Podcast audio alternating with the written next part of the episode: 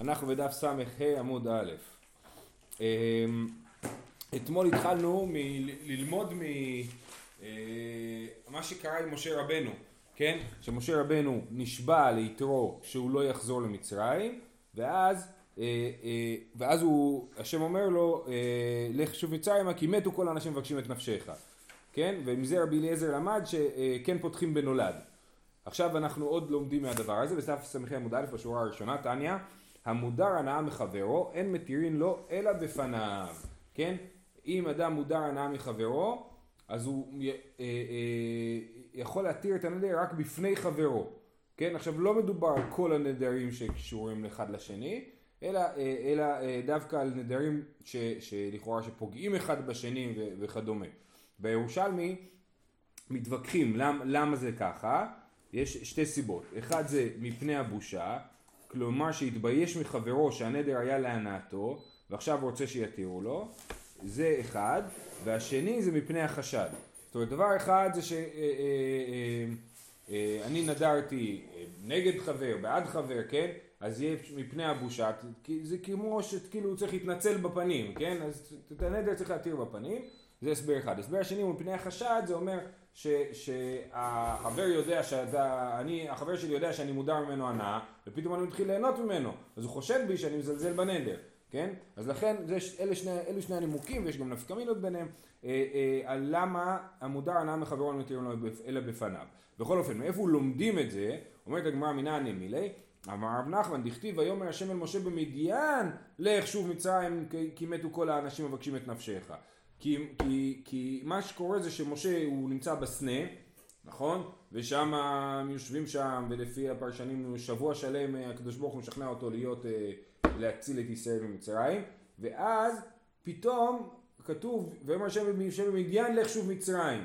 מה פתאום הוא צריך להגיד לו עוד פעם לך שוב מצרים? הרי כבר משה רבנו השתכנע שהוא הולך עכשיו למצרים וכולי, מה פתאום זה חוזר? אלא כי באמת הקדוש ברוך הוא מתיר לו את הנדר שאומר לו שאסור לשוב מצרים במדיין, למה במדיין? בפני יתרו, הוא, הוא נשבע ליתרו, ויואל משה לשבת את האיש, הוא נשבע ליתרו שהוא לא יחזור למצרים, ועכשיו כשהקדוש ברוך הוא מתיר למשה את הנדר, הוא עושה את זה בפני יתרו, ולכן כתוב, לכן ביום השם משה במדיין, אמר לו במדיין הדרת, והתר נדרך במדיין, דכתיב. ויואל משה אין עלה אלא שבועה, דכתיב ויבא אותו בעלה. כן, אז ויואל משה, איך אנחנו יודעים שהיואל זה לשון של שבועה? כי זה מהמילה עלה, כן? ויואל משה מלשון עלה. אה, על שם הפסוק ויואל משה יש את הספר המפורסם של הרבי מסטמר נגד הציונות, כי השם שלו היה יואל מוישה, זה היה השם שלו, ועל זה הוא, אז הוא כתב ספר וקרא לו ויואל מוישה, וזה גם קשור לזה, לשבועה, כי הוא מדבר שם באריכות על העניין של שלושת השבועות שלא לעלות בחומה, מה שלמדנו בסוף מסכת כתובות, אה, אה, אז זה ויואל מוישה. טוב, וגם במלאכת נצר מרד אשר השביעו באלוהים. אז יש לנו עוד סיפור מהתנ"ך ש, אה, של העניין של להתיר נדר בפניו. אה, כתוב שצדקיהו מרד בנבוכדנצר אשר השביעו באלוהים. אז מה הקשר בין זה שהוא מרד לזה לאשר השביעו, כן? אומרת הגמרא, מהי מרדותי? אז הסיפור הולך ככה: אשכחי צדקיה לנבוכדנצר דאבה כאכיל ארנב החיה. לא יודע מאיפה הגיעו לדבר הזה, לארנב החי, אבל צדקיהו ראה את נבוכדנצר אוכל ארנב חי, כן? ומסתבר שזה לא דבר מנומס אפילו אצל הגויים לאכול ארנב חי, וזה גם דרך אגב, זה איסור אבר מן החי הוא גם בשבע מצוות בני נוח, זה גם אסור להם, לשיטתנו.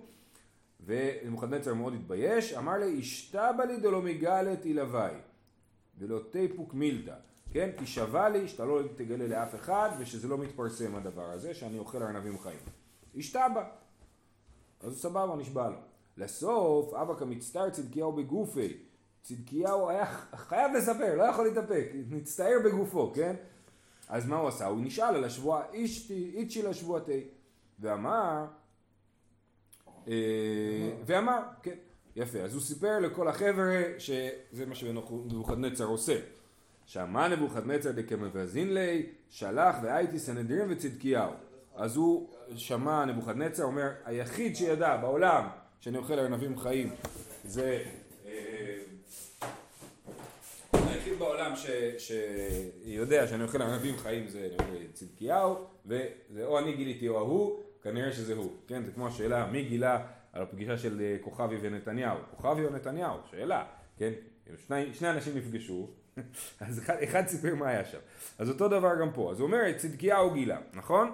אז הוא הזמין את הסנהדרין ואת צדקיהו לדיון. אמר להון, חזיתון מי כאבי צדקיהו? לאו אחי השתבא בשמע דשמיא דלא מגלינה? הוא נשבע בשם שמיים שהוא לא מגלה. אמר לי, אמרו לי, או, או סליחה, אמר להוא, איצ'י לי השבועתה, אז צדקיהו אומר, אני נשאלתי על השבועה. אמר לי, מיצ'לי נשבועתה? הוא גוי, הוא לא יודע בכלל שאפשר לעשות דבר כזה. אז אה, האם אפשר באמת להישאל על שבועה? אמר לי, אין. כן, אפשר, אפשר להשתדל להישאל על השבועה.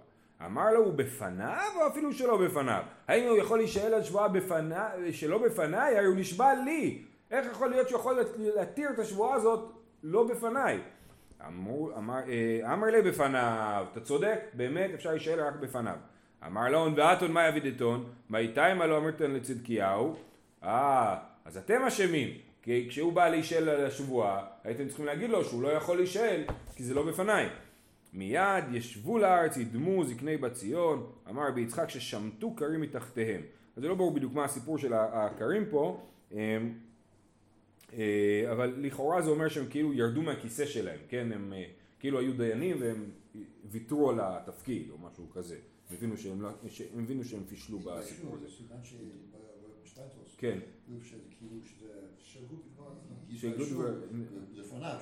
אז הם ירדו מכבודם, ירדו כן. מהכרית, כן, יפה. זהו, אז זה העניין הזה של אין תירנון אלה בפניו. משנה, רבי מאיר אומר יש דברים שהם כנולד ואינם כנולד. אז למדנו במשנה הקודמת שמחלוקת, רבי אליעזר אומר מתירים בנולד וחכמים אומרים אין מתירים בנולד, ומה הדוגמה של נולד? זה אם לא ידעתי שיקרה כך וכך, כן? אדם נדר הנאה מפלוני ופלוני נהיה סופר. הוא לא היה סופר לפני, הוא נהיה סופר. כן? אז זה נקרא מתירים בנולד, לפי רבי אליעזר מטילים ולפי חכמים לא מתירים. רבי מאיר לכאורה מסכים עם חכמים ואומר שלא מתירים בנולד, אבל הוא אומר יש דברים שהם כנולד ואינם כנולד. למרות שהם דומים לנולד, הם לא נולד. מה הדוגמה? ואין חכמים מודים לו. כיצד? אמר קונם שאני נושא את פלונית, אבי הרע. אני לא מוכן להתחתן עם זה, כן, מציעים לו שידוך עם גברת uh, כהן, ומה פתאום, אבא שלה נאחס, אני לא מוכן להתחתן איתה. אמרו לו מת, האבא מת, או שעשה תשובה, הוא כבר לא, הוא כבר לא נאחס. קונם לבית זה שאני נכנס, שהכלב רע בתוכו, לא נכנס לבית הזה, יש בו כלבים רעים, או שהנחש בתוכו, אמרו לו מת הכלב, או שנהרג הנחש, הרי אין כנולד ואינו כנולד, ואין חכמים מודים לו. רבי מאיר אומר שבמקרים האלה אפשר להתיר בנולד, כי זה לא נולד באמת, והגמרא תסביר למה. וחכמים לא מסכימים עם רבי מאיר, ואומרים לא, גם זה נקרא נולד ואין מתירים בנולד. אומרת הגמרא, קונם שאני נכנס וכולי, מת נולד הוא. למה זה לא נולד? מת הכלב זה בדיוק נולד, גם ראינו אתמול ש, ש, שמיתה נחשבת לנולד. אמר רב הונא, נעשה כתולה נדרו בדבר.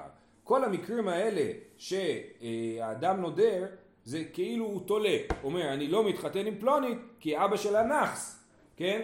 אז אבא שלה רע, אז אני לא רוצה להתחתן איתה. אז הוא כאילו תולה את הנדר באבא, וברגע שהאבא לא קיים, אז הנדר בטל מעיקרו אפילו, אולי אפילו לא צריך להתיר את הנדר. כי זה כאילו נדר על תנאי, נכון? התבטל התנאי, התבטל הנדר. לא? לא. הוא אומר, אני לא מתחתן עם, פלונית, כל עוד האבא שלה רע נמצא בגזרה. ברגע שהאבא מת, אז, אז הוא יכול להתחתן איתה. כן. כן. כן, כן, כן, כן. אז, הוא, אז זה לפי רבונה. לפי רבונה כל המקרים של המשנה זה מקרים של, אה, בעצם זה נחשב כן או קטו לנידור בדבר, כן? זה לא שהוא באמת, הוא לא עשה תנאי מפורש, אבל כיוון שהוא הסביר את עצמו, הסביר למה הוא נודר, אז זה כאילו, אנחנו מחשיבים לו את זה כאילו הוא תלה נידור. אה, אה, עכשיו רבי יוחנן אמר כבר מת וכבר עשה תשובה. רבי יוחנן אומר לא הבנתם זה לא שהוא מת אחרי הנדר אלא שהוא מת לפני הנדר רק הוא לא ידע את זה. הוא אמר אני לא מתחתן עם פלונית כי אבא שלה רע ואז אומרים לו אבא שלה מת כבר אז זה נראה כאילו זה נולד אבל זה לא נולד אומרת הגמרא אה, כבר מת וכבר עשה תשובה כאמר לי טיב רבי אבא? רבי אבא מקשה על רבי יוחנן. פונם שאיני נושא לפלונית כעורה, והרי נאה, שחורה והרי לבנה, קצורה והרי ארוכה, מותר בה. זה לא פוליטיקלי קורקט כל המשנה הזאת. זה משנה בעמוד הבא, כן? בדף ס"ו עמוד א', אה, אה, המשנה שם. אה, אז קונם שאני נושא לפלונית כעורה, והרי היא נאה, היא בכלל לא כעורה. חשבת שהיא כעורה, אבל היא לא כעורה. כן? חשבת שהיא אה, אה, נמוכה, אבל באמת היא גבוהה. אז מותר בה, לא מפני שכעורה ונעשית נאה, שחורה ונעשית לבנה, קצרה ונעשית ארוכה, אלא שהנדר טעות. כן? זה לא שאני אומר, היא הייתה מכוערת ונהייתה יפה, אלא הייתה יפה מלכתחילה, והנדר היה טעות, אני נדרתי לא להתחתן עם מישהי מכוערת, אבל היא יפה באמת, כן? אה, יופי, אז זה בדיוק כמו מה שרבי יוחנן תיאר אצלנו. אני, הוא נדר לא להתחתן עם פלונית כי אבא שלה רע, אבל אבא שלה כבר מת, אבא שלה לא רלוונטי כבר, כן? אז אותו דבר. אומרת הגמרא, בישלמה לרבונה דאמר, אצלנו נעשה כתולה נדרו בדבר, תנא תולה נדרו בדבר, ותנא נדר טעות. המשנה הזאת שלנו מתארת הסיטואציה של תולה נדרו בדבר, והמשנה של ס"ו, של העמוד הבא, אה, אה, אה, מתארת את העניין של נדר בטעות. וזה מצוין, כל משנה מדברת על נושא אחר, וזה עוד דבר גם. אצלנו במשנה יש מחלוקת רבי מאיר וחכמים, חכמים לא מסכימים שהנדר בטל. ובמשנה הבאה אין מחלוקת, אם הוא בנדר בטעות, אין מחלוקת. לעומת זאת לרבי יוחנן, אלא רבי יוחנן אמר כבר מת וכבר עשה תשובה, למה לי למיתני תרזימני נדר טעות? לא צריך לחזור את זה פעמיים, ואני מחזק את הקושייה ואומר ויותר מזה, אצלנו במשנה יש מחלוקת, במשנה הבאה אין מחלוקת, סימן שזה לא אותה סיטואציה, כן? אומרת המשנה קשיא, אומרת הגמרא קשיא, באמת קשה לשיטת רבי יוחנן הדבר הזה. אמ, אוקיי. דבר מעניין הוא למה חכמים לא מסכימים אה, לרבי מאיר, אבל אני לא, לא ראיתי שהר"ן מסביר את זה. אה,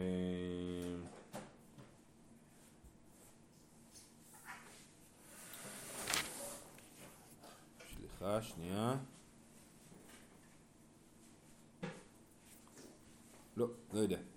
למה חכמים לא מסכימים עם, אה, אה, עם רבי מאיר שאם תולה נדרו בדבר אז הנדר מותר. אפשר להציע שבאמת כל עוד הוא לא עשה תנאי מושלם אז זה לא, אז זה לא תנאי, זה לא תנאי תקף, כן? הוא צריך לעשות תנאי כמו שצריך אה, ולהגיד אני נודר לא להתחתן עם פלונית כל עוד אבא שלה הוא נמצא בחיים, כן? אבל ברגע שהוא ימות אני כן יכול להתחתן עם פלונית. אז זה סבבה, אז זה נדר ממש בתנאי. פה המילים שאבי הרע הם רק הסבר לתנאי, לנדר, זאת אומרת זה רק אומר למה, למה אני לא רוצה להתחתן עם פלונית? בגלל שאבי הרע, אבל הוא לא עשה תנאי ואמר ואם אבא שלה לא יהיה בסיפור הזה מותר להתחתן איתה ולכן אולי הם לא מסכימים עם אה, רבי מאיר ואומרים שהנדר תקף גם אחרי שאבא נפטר. זהו, משנה הבאה. ועוד אמר רבי מאיר פותחים לו מן הכתוב שבתורה ואומרים לו אילו היית יודע שאתה עובר על לא תיקום ולא תיטור ועל לא תשנא את אחיך בלבביך, כן, בן אדם אה, אה, נוקם, נודר, כן, אתה לא עשית לי כך וכך, אני נודר שאתה אסור לך ליהנות ממני וכדומה, אז אומרים לו, עובר על לא תיקום ולא תיטור, ועל לא תשנא את אחיך בלבביך, ואהבת לרעך כמוך, וחי אחיך עמך, וחי אחיך עמך זה עניין של מצוות צדקה, שהוא עני, ואין אתה יכול לפרנסו, עכשיו אתה לא יכול לקיים מצוות צדקה. אמר, אילו הייתי יודע שהוא כן, לא הייתי נודר, הרי זה מותר. עכשיו שימו לב, למדנו שכולם מסכימים שלא פותחים בכבוד שמיים. נכון שאמרנו שאם אתה תגיד אה, אה, הקדוש ברוך הוא לא אוהב את מי שנודר, האם היית יודע שהקדוש ברוך הוא לא אוהב את מי שנודר היית נודר? אז הוא אומר מה פתאום? אז אמרנו שזה לא עובד, אבל במצווה אחת זה כן עובד. זאת אומרת, אם אומרים לבן אדם אתה עובר על מצווה, אם היית יודע שאתה עובר על מצווה, היית נודר או לא? אם הוא יגיד הייתי נודר, אז, אה, אז הנדר לא מותר. ואם הוא אומר, אה, אם הייתי יודע שבאמת זה נגד מצווה, אז לא הייתי נודר, אז הנדר מותר. זה כן עובד. אבל להגיד, ואם, אבל אם אומרים לו, אם אתה יודע שנגד הקדוש ברוך הוא היית נודר, שם אנחנו, שם הנדר לא מותר. למה? הסברנו. כשאתה אומר הייתי יודע שנגד הקדוש ברוך הוא, אף אחד לא יכול להגיד כן, אני לא אכפת לי ללכת נגד הקדוש ברוך הוא. הוא לא יכול לענות את האמת במקרה הזה, כן? לעומת זאת, על מצווה אחת, לאנשים זה לא נשמע כל כך חמור לעבור על מצווה אחת. אז הוא אומר, נכון, באמת, אה, אני עובר על עוד תשנא על אחיך מלבביך, אבל אה, מה לעשות? לפעמים, אה, לפעמים אין ברירה, אין לעשות להשם הפרו תורתך, כן? אז, אז, הוא, אז, הוא, אז הוא יכול לענות כן, וכיוון שהוא יכול לענות כן, אז, אז אנחנו כן מקבלים את, ה, את ההתרה הזאת.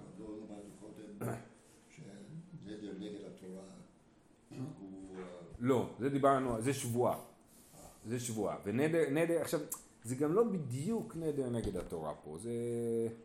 שלא אם זה מצווה, מצווה מדאורייתא או מצווה מדרבנן. כן, לכאורה כל הדברים האלה זה מצוות דאורייתא, נכון? לא תיקום ולא תיטור זה לאו דאורייתא. אה, אה, באמת שאלה מעניינת, אבל אם אני זוכר נכון, אמרנו שנדר כן אפשר לעשות נדר, נגד התורה, כי זה בחפ- בחפצה ולא בגברא.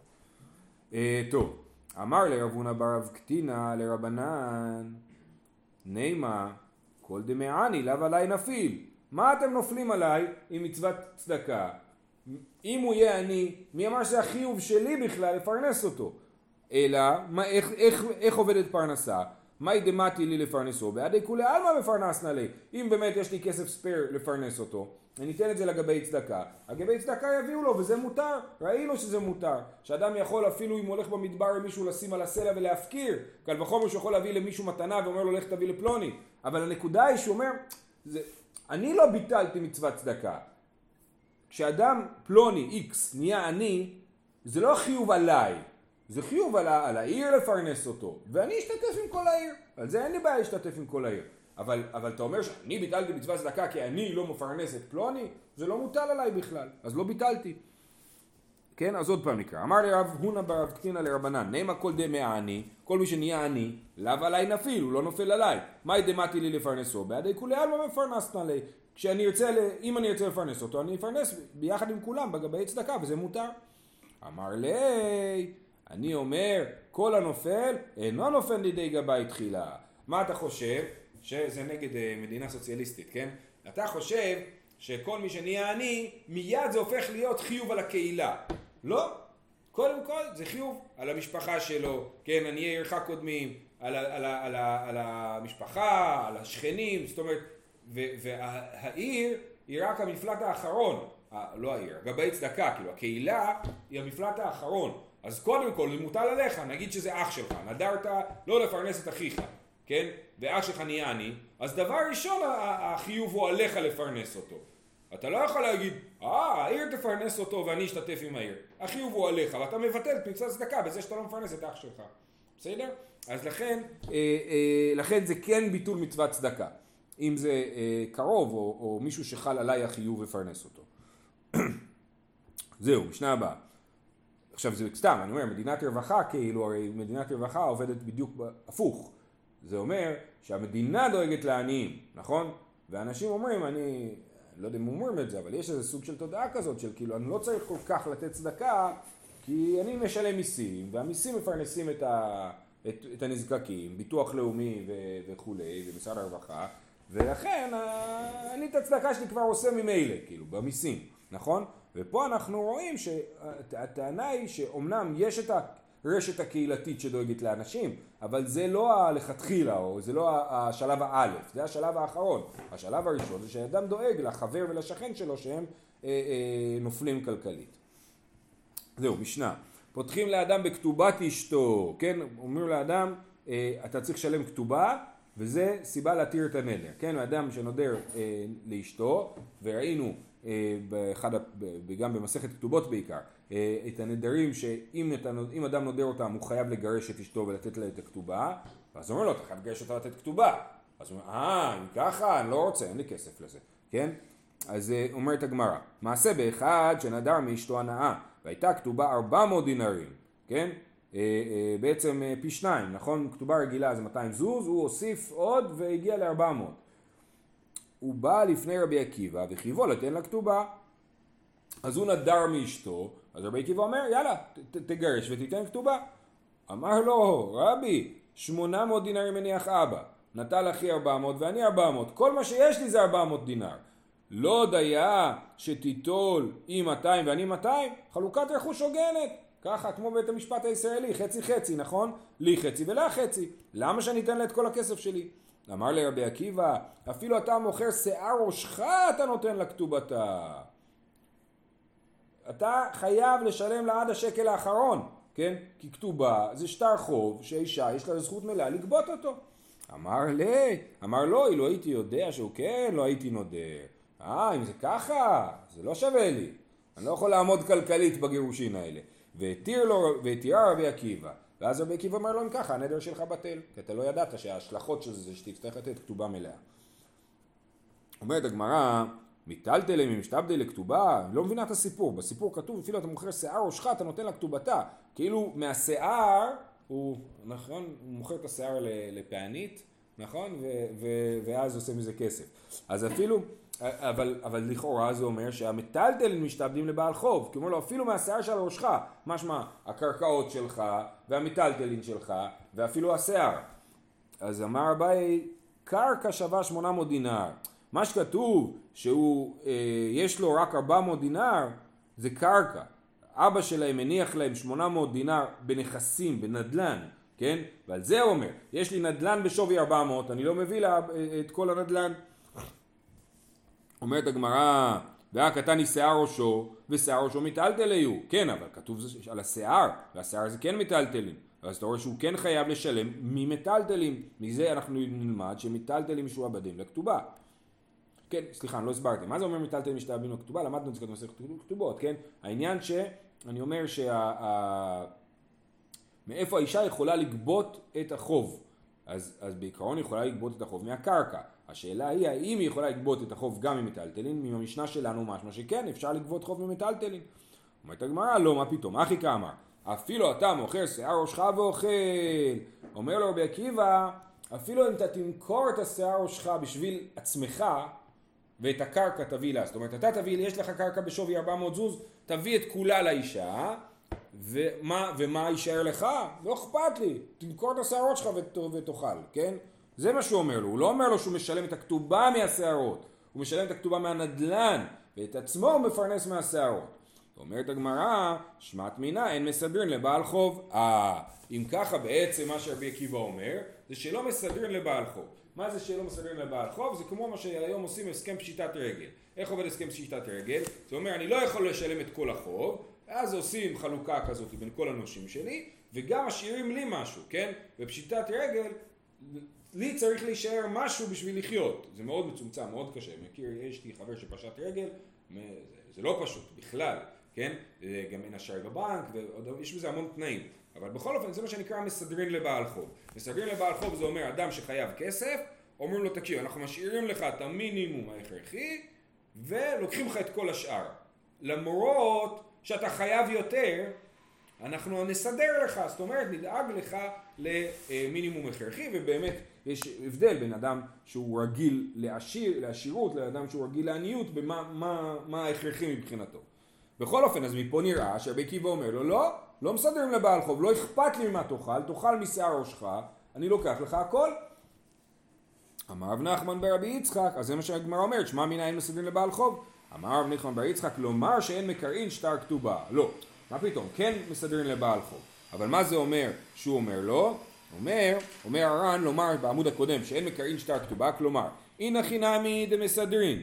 מי הוא אחי כאמר לי, אפילו אתה עושה לפנים משורת הדין, ואינך רוצה בסידור, לא תחשוב להיפטר.